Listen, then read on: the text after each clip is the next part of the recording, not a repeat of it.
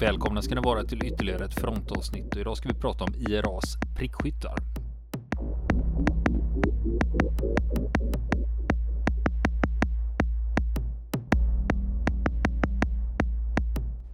Ja du Niklas, vi har ju pratat eh, lite om prickskytteverksamheten på Nordirland. Ja, verkligen. Det... Men det blev ju lite väl mycket granatkastare och helikoptrar. Ja, det, det var, blev ju det faktiskt också. Ja, det, men, eh, ja. men jag blev förvånad för jag hade inte en aning om de här grejerna att de hade hänt va. Det är ju... Nej, jag är faktiskt också eh, lärt mig en del på kuppen verkligen.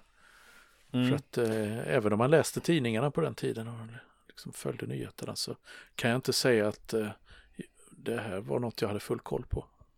Nej, Nej, och det är ju skoj att man kan lyssna på fronten och få en liten uppdatering om hur det faktiskt gick till. Verkligen. Det är bra. Men nu ska vi börja snacka lite prickskytte igen. Och eh, vi är ju i början på 90-talet här, det är ju 93. Och nu är vi framme vid 2 december 93. Och då är det en IRA-medlem som heter Bernard McGinn. Han plockas upp av en annan som heter Martin Mines. Och McGinn här, hans jobb var att spana. Och de åker till orten Kidu, det är ju South Armagh i södra Nordirland vi pratar om. Och McGinn och Mines, de är i en bil och håller utkik efter brittiska patruller. Och de får syn på en brittisk åttamannapatrull. Och de använder en mobiltelefon för att rapportera till bilen med prickskytteteamet. Du undrar ju förra avsnittet hur skötte de sambandet? Ja. Och 93 fanns det ju faktiskt mobiltelefoni. Och det var det som de använde här sinsemellan. Alltså det var, de var så pass eh, framme ändå att de... För jag menar, det var ju fortfarande inte vardmans egendom, en mobiltelefon i början av 90-talet. Nej, de var ju lite dyrare. Det var ju först i Sverige var det ju först 95-96 som de här liksom allemansmobilerna kom, de här GSM-telefonerna. Men innan dess fanns det ju telefoner även om man fick lov att betala för dem. Men om vi då tittar, vi har ju spaningspatrullen här. Det är ju McGinn och Mines som är ute i en bil. Och så har vi en bil med prickskytteteamet. Och det prickskytteteamet, det är Michael Carraher och föraren Seamus McArdle. Och när de får det här samtalet, då förflyttar de sin bil och då ställer de den i position så bakänden pekar mot den brittiska patrullen. Och Carraher, han ligger inne i bilens innandöme när han siktar mot soldaterna i patrullen. Och han tar sikte på, vad, vad undrade du? Var det en sån här pansarplåt igen där eller? Ja, precis. De har en, ett fordon då, så öppnar man bakluckan lite grann och så har man en pansarplåt med ett hål i så att man ska kunna klara finkalibrig eld om soldaterna skjuter tillbaka. Och eh, Cara här ligger där och siktar mot soldaterna i patrullen. Och han tar sikte på en av dem.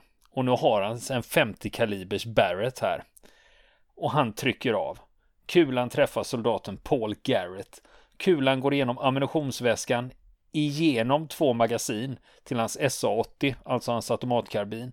Den går sen igenom splitterskyddet, in i buken och ut genom ryggen. Och träffar byggnaden bakom. Den har så mycket kraft kvar kulan att den slår igenom allt det här och träffar väggen bakom. Och det innebär ju också att Garrett, soldaten här, han avlider ganska snabbt. Och det är inte så konstigt med ett 50 kalibers skott som ger sådana enorma skador. Och spanarna och det här skytteteamet, de försvinner snabbt från platsen. Och den här skytten här, Michael Carraher, han har tidigare, eh, han har en historia inom IRA och av britterna också. Han har tidigare blivit sårad av britterna nämligen och hans bror har skjutits ihjäl. Och det skedde av eh, Royal Marines och det skedde i orten Cullyhanna. Och vad det var som hände när bröderna Carraher blev skjutna här och en avlider och en blir sårad. De historierna varierar beroende på vem man frågar och det är väl lite signifikativt för den här konflikten. Det är lite så, det beror hela tiden på vem man frågar. För ortsborna hade sin version och Royal Marines hade en helt annan.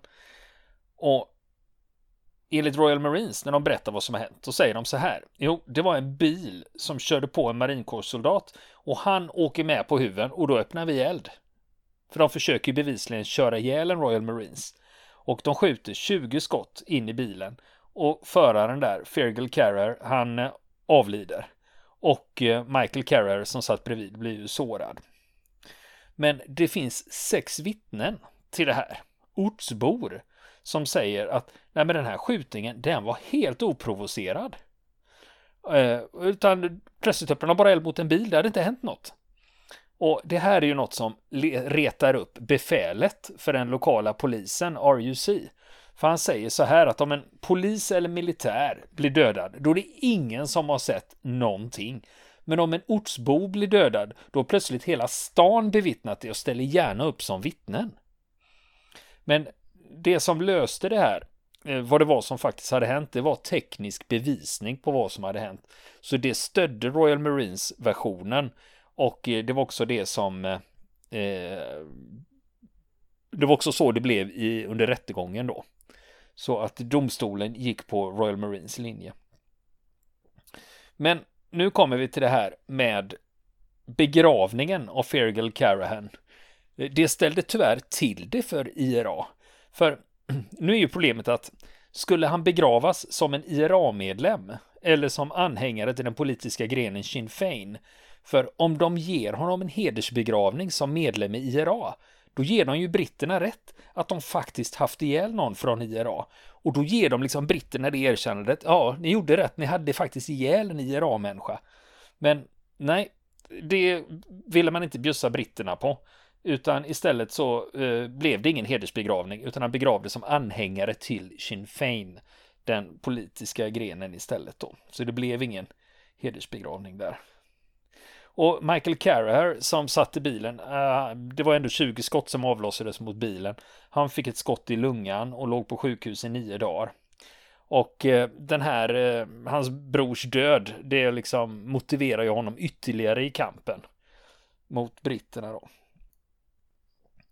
Och han var ju skytt här då, 2 december, med 50 kalibers vapnet.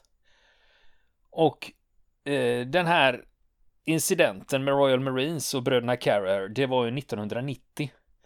Och sen är det på treårsdagen efteråt, då är vi framme vid 30 december 1993. Då händer det en grej i orten Crossmaglen som jag kommer tillbaka till många gånger här. Och det är återigen Michael Carrahan som är prickskytt på det här uppdraget.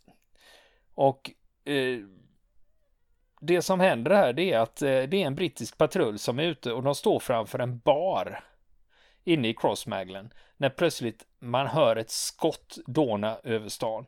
Och en soldat träffas, Daniel Blinko, och han är vid medvetande i 20 sekunder innan han blir medvetslös och avlider och Carahan och hans team försvinner snabbt från platsen.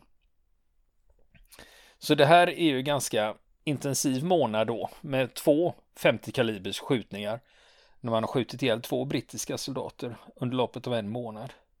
Och britterna, de försöker utveckla metoder här för att skydda sig mot prickskyttar.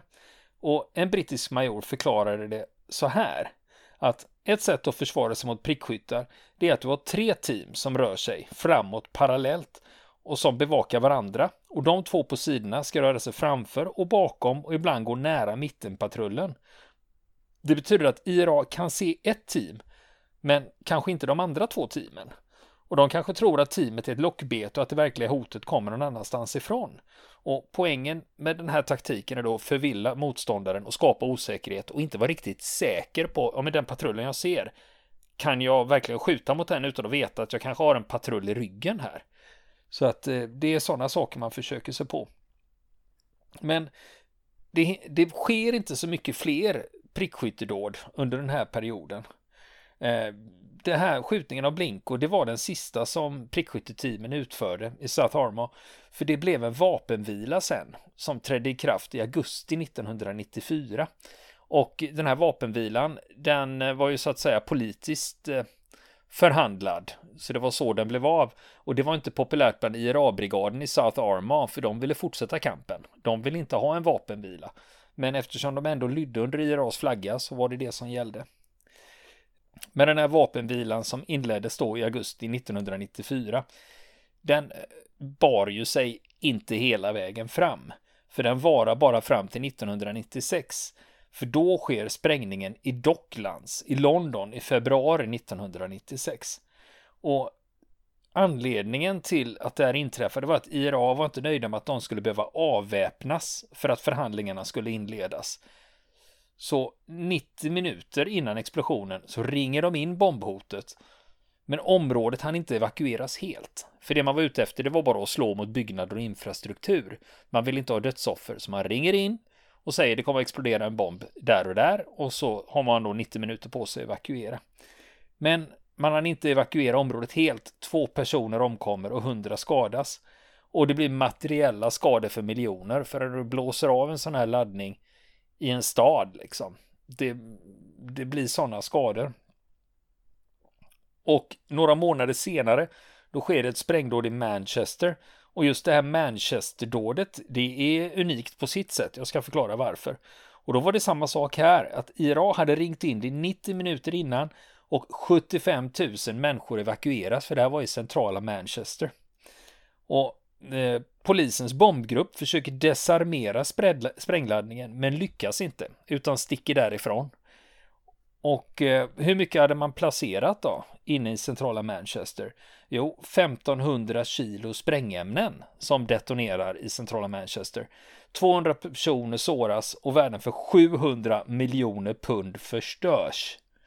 Och det var ju precis som i Docklands, det var inte riktat mot att folk skulle skadas eller dö, utan man skulle förstöra infrastruktur, det skulle kosta samhället pengar. Och när jag sa att det här var unikt, vad är det som gör det här unikt? Jo, det var den kraftigaste laddning som detonerat i Storbritannien sedan andra världskriget.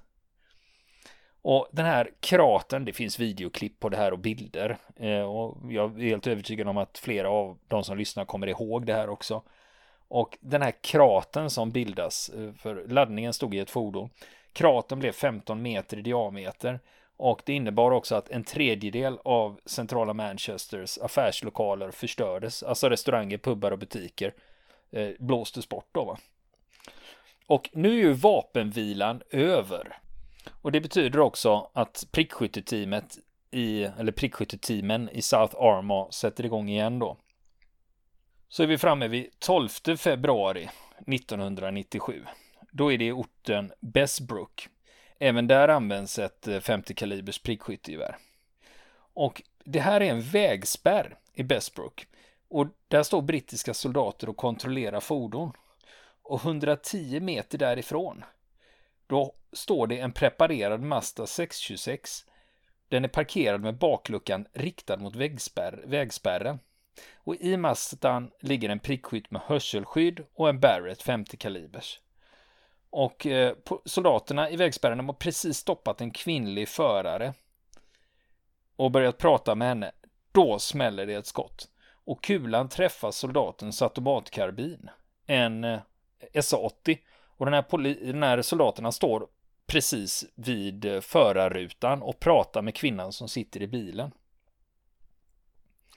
Och kulan som träffar automatkarbinen splittras i tre delar och det största splittret träffar den 23-årige soldaten Restrick i vänstra skinkan och går ut på höger sida av kroppen. Och han hade ju en automatkarbin, den hade sånt där susat sikte på sig. En del av det siktet flyger av av den här träffen och träffar den kvinnliga föraren i pannan som börjar blöda. Och soldaten faller ihop och hans befäl rusar fram och frågar vad är det som har hänt, vad är det som har hänt? Och då svarar han, damen är träffad, svarar han. Och sen blir han medvetslös och sen avlider han. Och det berodde på att splittret hade orsakat för kraftiga blödningar för att man skulle kunna rädda honom. Och den här mastan som står 110 meter därifrån. Vad händer? Jo, de slår igen bakluckan och kör därifrån. Och i bilen har de en prickskytt och två män och de har också en spanarbil som kör framför. Och de kör till ett stenbrott och de lämnar ifrån sig vapnen och lämnar ifrån sig bilarna. Och passageraren i bilen med prickskytten hade varit beväpnad med en AK47. Sen fortsätter de till ett safehouse där de duschar och packar ner sina kläder för förbränning. Och sen är vi framme vid 29 mars 1997. Orten är Forkill i South Armagh. En familj sitter i sitt hus och tittar på TV och plötsligt stormar beväpnade och maskerade män in och säger Vi är IRA, be dina barn och fru att lugna ner sig, allting kommer att ordna sig. De släcker ner lamporna i huset och binder upp familjens hund i garaget. Och så ber de familjen att sätta sig framför tvn och ha den påslagen. Och det är inte familjen i sig som är intressant här, det är deras trädgård. För från familjens trädgård har man fri sikt mot militärbasen i Forkhill. Så två av männen går ut i trädgården och plockar bort en sten ur stenmuren. Sen hämtar en av dem en Barrett M82 ur, en, ur bilen de har kommit med. Och eh, även den här gången så är det Michael Carraher som är skytt. Och de riggar upp vapnet så att pe pipan pekar ut genom hålet och nu väntar de. Och eh, det blir en lång väntan. De väntar i tre och en halv timme innan det är dags att agera. Inne på basen så förbereder sig soldater och några poliser för att gå ut på patrull. Och soldaterna här då, de ska vara förlagda i South Arma i sex månader och nu är det dags för deras första patrull. Och utöver soldaterna ska sju poliser med på patrullen. Och grinden till basen öppnas och soldaterna springer ut och bredvid dem går poliserna. Då smäller det. En av poliserna, Galway, har blivit träffad. Jag är träffad, jag är träffad, skriker han. Kulan har tagit i högra höften, skadat lårbenet och kluvit hans Maglite-ficklampa i två delar. Maglite-ficklampa, det är de här stora i metall, vet du. Den var på mitten. Och direkt efter skottet, skytteteamet packar ihop och lämnar huset omedelbart och inom kort så är de i säkerhet på andra sidan gränsen. Det här är inte så långt i Irland då. Och polisen som blir träffad här, Galway, han överlever men är illa skadad. Han förlorar nästan benet och han var borta från jobbet i ett år. Han uttalade sig efter att ha blivit skjuten och han sa att han kände ingen bitterhet mot skytten. För han sa att han sköt ju inte mot mig, han sköt mot en uniform. Han sa hat var inte riktat mot mig som person, det var riktat mot uniformen. Och eh, att prickskyttarna valde att genomföra en sån här operation med mycket hög risk att åka fast. För britterna så betyder det att deras taktik att skydda sig mot prickskyttar fungerade. En brittisk major sa för att förhindra attacker så måste du förstå på vilka grunder som fienden fattar beslut. Sen genomför du så pass många förändringar och i en sån takt att deras förutsättningar förändras hela tiden. Det blir så svårt för dem att fatta beslut att de istället väljer att avbryta. Då blir fienden inte proaktiv utan reaktiv. Vi hade jobbat i South Arma i 25 år innan vi lyckades uppnå det. Utan innan hade vi bara hela tiden reagerat på vad de gjorde. Och det här bygger ju på att man ägnar sig åt ett gigantiskt underrättelsearbete. Britterna tog in all fakta och då är det all fakta. Det är all radiotrafik, alla iakttagelser, alla rapporter, alla analyser av skjutningarna. Allting tog man in för att försöka förstå hur det här fungerar och vad man skulle kunna göra åt det. Och det gick så långt i sina analyser att till slut så kunde de börja förutse fiendens drag. De kunde sätta sig med en karta och lista ut var vapnen plockades upp, var skulle de starta med sina bilar, var fanns spanarna någonstans, hur skulle spanarna köra och ungefär var skjutningen planerade att äga rum. Vad ska de byta kläder efteråt? Vad ska de lämna ifrån sig vapnen? Och den här informationen lämnar man över till SES som ska ut och agera utifrån det här underlaget som fanns. Och målet då var att gripa eller stoppa skytteteamen. Det var det som var målsättningen nu. Och nu är vi ändå framme vid 97. Eh, för det fanns en snarlik plan som man hade genomfört 1993 och det, 1993 gick det ut på att patrullerande soldater skulle vara lockbete för prickskyttarna med målet att få tag på skyttarna. Och det lyckades så tillvida vid två tillfällen att det fanns skyttar från IRA i närheten. Men av okänd anledning så valde skyttarna att avstå skott och man grep heller inte någon i samband med den här operationen. Och risken med den här typen av operation det är också att man använder levande soldater som lockbete. Misslyckas man, då dör någon. Och den här operationen kallades också för den fastbundna geten. Det är ungefär som att du har bundit fast en get för att locka fram ett rovdjur. Va? för att kunna fånga rovdjuret då. Just det, lockbetet Men, ja. Och eh, det här underrättelsearbetet det börjar faktiskt ge resultat och vi är framme vid 97 nu. Nu är det 7 april 1997 och brittiska underrättelsetjänsten jobbar ju stenhårt med det här och till sin hjälp har man också SES e som kan röra sig lite mer obemärkt ute på fältet än uniformerade soldater som klampar omkring. Och nu börjar det hända grejer. Och då är det det här prickskytteteamet som opererar i området runt orten Kallehärna. De är på en bondgård. Och det är tre stycken som är där. Från det här prickskytteteamet. Vi har Caraher, McArdle, McGinn och Mines. Och det de väntar på det är att få ett telefonsamtal om det finns någon armépatrull i området som de kan agera emot. Men de får inget samtal under den här måndagen den 7 april 97. Och det de inte vet om, det är att RUC, alltså polisen och brittiska armén, har lyckats få koll på de här och vet var de befinner sig. Och de bevakar dem och de misstänker att det borde vara de här som är prickskytteteamet. Och nu är det dags att gillra en fälla då. Och liksom 93 så ska man ha ett lockbete och eh, i det här fallet så är det en pluton från Welsh Guards som ska ut på en patrull på onsdagen. Och det är något som prickskytteteamet får eh, rapporter om. Att det är en pluton och de ska ut på patrull här. Och prickskytteteamet börjar med sina förberedelser. På onsdagskvällen då ser man Carraher köra en bil med ett djursläp. Och i det här släpet så finns det en dubbel botten. I släpet under den här, som ligger dolt då under den här bottnen. Där ligger det en Barrett och en AKM, en automatkarbin. Och det här släpet det kör han till bondgården. Och den som har i uppdrag att gripa prickskytteteamet, det är SES. Och eh, det som skiljer sig den här gången, det är att orden här är väldigt tydlig. Att de ska gripa prickskytteteamet. De ska inte ha ihjäl dem. För förr i tiden hade SES varit betydligt våldsammare och det var inte ovanligt att IRA-medlemmar sköts ihjäl i samband med gripanden.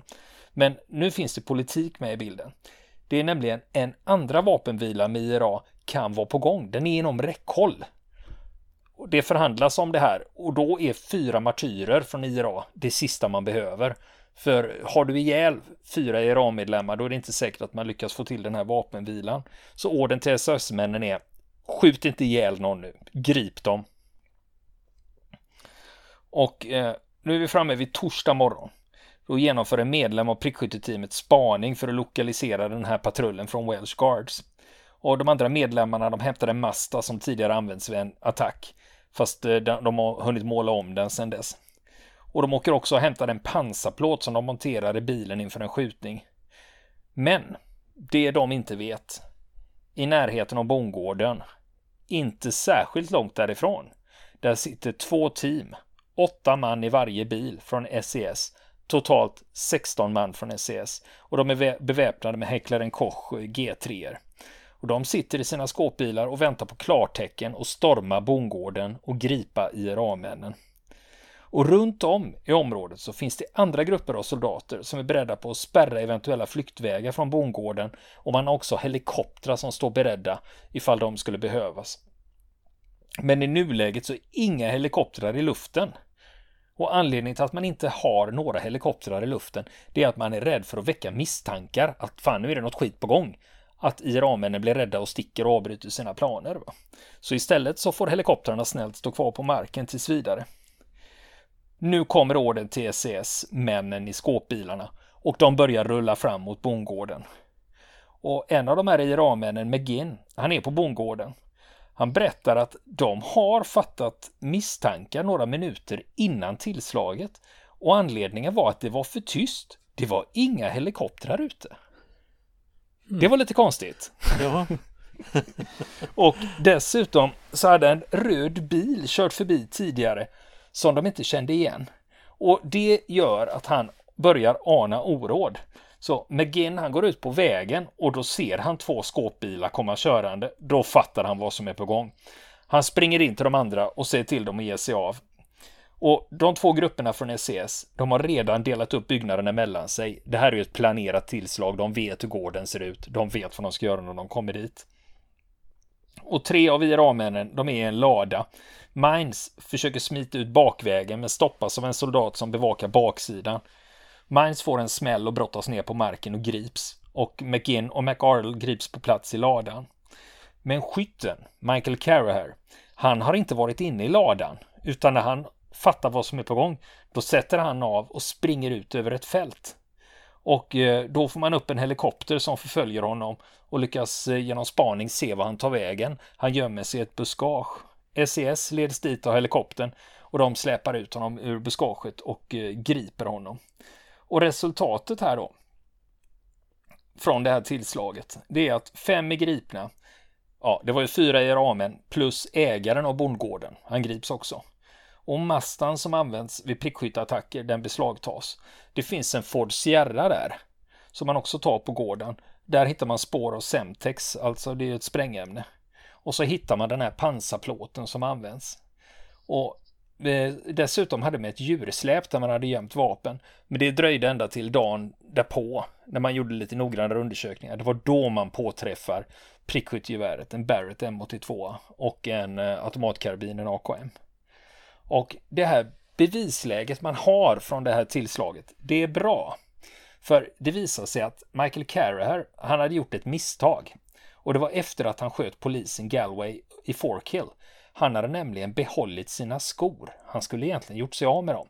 Nu grips han i samma skor, för man hade säkrat skoavtryck från skottplatsen i Forkill och visste att skytten hade sådana här skor. Och nu tar man Carraher i exakt samma skor. För den vanliga rutinen var ju att ta alla kläder, inklusive skor, och förstöra dem. Det hade man missat efter Forkill. Så då åker han dit på det. Sen har vi också en av de här IRA-medlemmarna som greps här, McGinn. Han har börjat prata med polisen och erkänner brott. Och då tycker man att men då är bevisläget mot honom gott. Va? Och sen har vi McArdle som man tog där också. Man lyckas hitta fingeravtryck som har med Docklandssprängningen att göra. Så man kan knyta honom till Docklandssprängningen. Och mycket riktigt, de här bevisen håller även i rätten.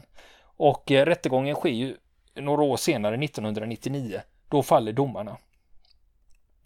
Dels har vi Bernard McGinn. Han får livstid.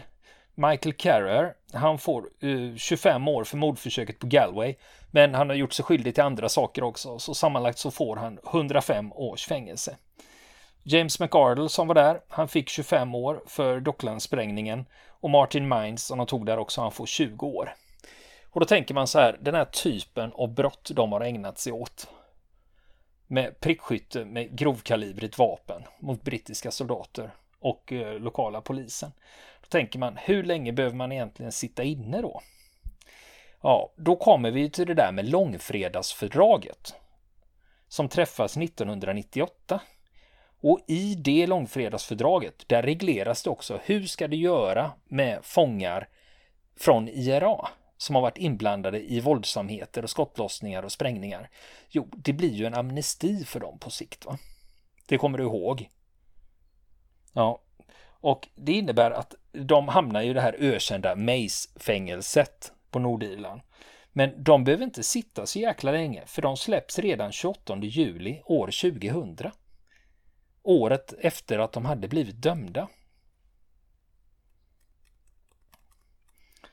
Och det är också en sån här sak som man pratar om när det har varit den här typen av eh, krig, skulle man kunna säga, eller lågintensivt krig, vad man nu vill kalla det, oroligheter. Eh, just det där med försoning och kunna gå vidare.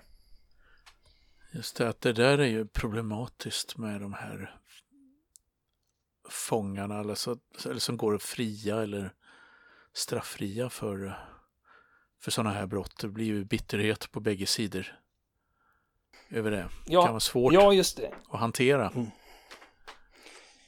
Ja, och sen har det ju också varit en del britter har haft synpunkter på det där och tycker att ja, men våra, våra soldater som tjänstgjorde där, som man då har eh, åtalat långt efteråt för att de skulle ha gjort någonting, medan IRA-männen går fria. Vad är det för rättvisa i det här? Det kan vara en, det är en pedagogisk utmaning kan man väl säga. Mm. Och som du vet i det här avsnittet så har jag citerat en brittisk major som har uttalat sig. Han är ju anonym i källorna här som jag har haft tillgång till. Men han säger så här när, man, när han då ser tillbaka på eh, prickskytteattackerna. Han säger så här att den här taktiken med prickskyttar, det var intelligent och det var faktiskt förbannat fint utfört kan jag säga som yrkesman. Och det var faktiskt ansikte mot ansikte med en överväldigande styrka. där alla var beväpnade. Det var inte som att parkera en granatkastare och sen sticka därifrån. Det handlar faktiskt om att peka med ett vapen på en man som också har ett. Som dessutom har 15 kompisar runt sig. Och dessutom trycka av och sen sticka iväg. När de började skjuta, då började de på ungefär 570 meter. Men sen blev det mindre och mindre och till slut så var de nere på ja, 160-170 meter. Och det är nära. Det är tillräckligt nära för oss att använda våra automatkarbiner ganska effektivt. Det är ganska kaxigt. Och att dessutom ha den kylan och kunna trycka av på så pass korta avstånd. Det kräver ganska mycket stake. För att kunna kontrollera din andning och din puls under sådana omständigheter, det är svårt nog. Men när man dessutom har de här oddsen emot sig så är det dessutom ännu svårare. Och det är dessutom inte så lätt att komma iväg på vischan när det är så mycket helikoptrar i luften. Jag har väldigt stor respekt för dem. Det var inte ett uns av feghet i deras dåd. Ja, det var ett erkännande får man säga. Ganska tydligt. Ja, från en yrkesman eh, som faktiskt har varit med och jobbat med det här. Hur, ja, hur, hur var det egentligen? Fick man koll från brittisk sida på alla prickskyttar eller är det de som fortfarande så att säga man inte känner till identiteten på? Ja, det här är ju vad britterna har kommit fram till. Eh, vilka de faktiskt har lyckats gripa och lagföra, för det skedde ju skjutningar både med 50 kalibers och med 762. Eh, så av de här skjutningarna så har man ju lyckats knyta Carragher till några. Men det finns ju fortfarande vissa tillfällen som man inte har, eh, där man faktiskt inte har lyckats knyta någon eh, skytt till dem. Utan det här är ju så att säga resultatet av det som kom fram. Det är ju det som, det här är ju det som finns i offentligheten. Ja, det är de lagförda. Det är de lagförda, ja. Så det kan finnas fler skyttar som har som har klarat sig. Man har beslagtagit några 50 kalibers eh, gevär, men det behöver inte betyda att det kan finnas, det kan ha funnits fler.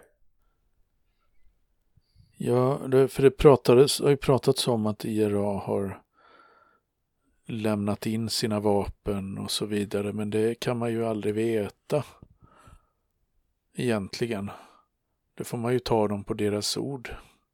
På. Men det finns ju säkert, kan ju finnas vapenförråd kvar som är oupptäckta. Och där kanske det ligger fler sådana här prickskyttevapen. Ja, för det som eh, brittiska armén och eh, RUC kände till, det var att eh, utöver den M82 man lyckades ta där vid gripandet så vet man att de i alla fall hade en Barrett 90 till och åtminstone en till 50 kalibers eh, vapen. Även om man inte visste exakt vilken typ det var. Och det då tillsammans med lite automatkarbiner så att man vet att åtminstone två 50 kalibers vapen fanns till som man aldrig fick tag på. Ja, vad tror du då? Blir, kom, finns det risk att den blossar upp igen? Ja, man ska aldrig säga aldrig. Det finns ju spänningar, men jag kan för lite av politiken där för att veta liksom hur är läget och vad skulle kunna hända. Men man ska aldrig säga aldrig när det gäller gamla grejer. Ibland kan det ju vara eh, vad man tycker obetydliga saker som plötsligt skjuter fart på grejerna igen. Ja, det var intressant att höra det här om, om, eh, om prickskyttarna. Fått lära mig en hel del själv som jag inte visste. Vill ni komma i kontakt med oss så kan ni göra det via vår Facebook-sida som heter Fronten. Det är inga problem för er att leta er fram där. Eller också så mejlar ni på vår mejladress och det är frontenpodcastgmail.com.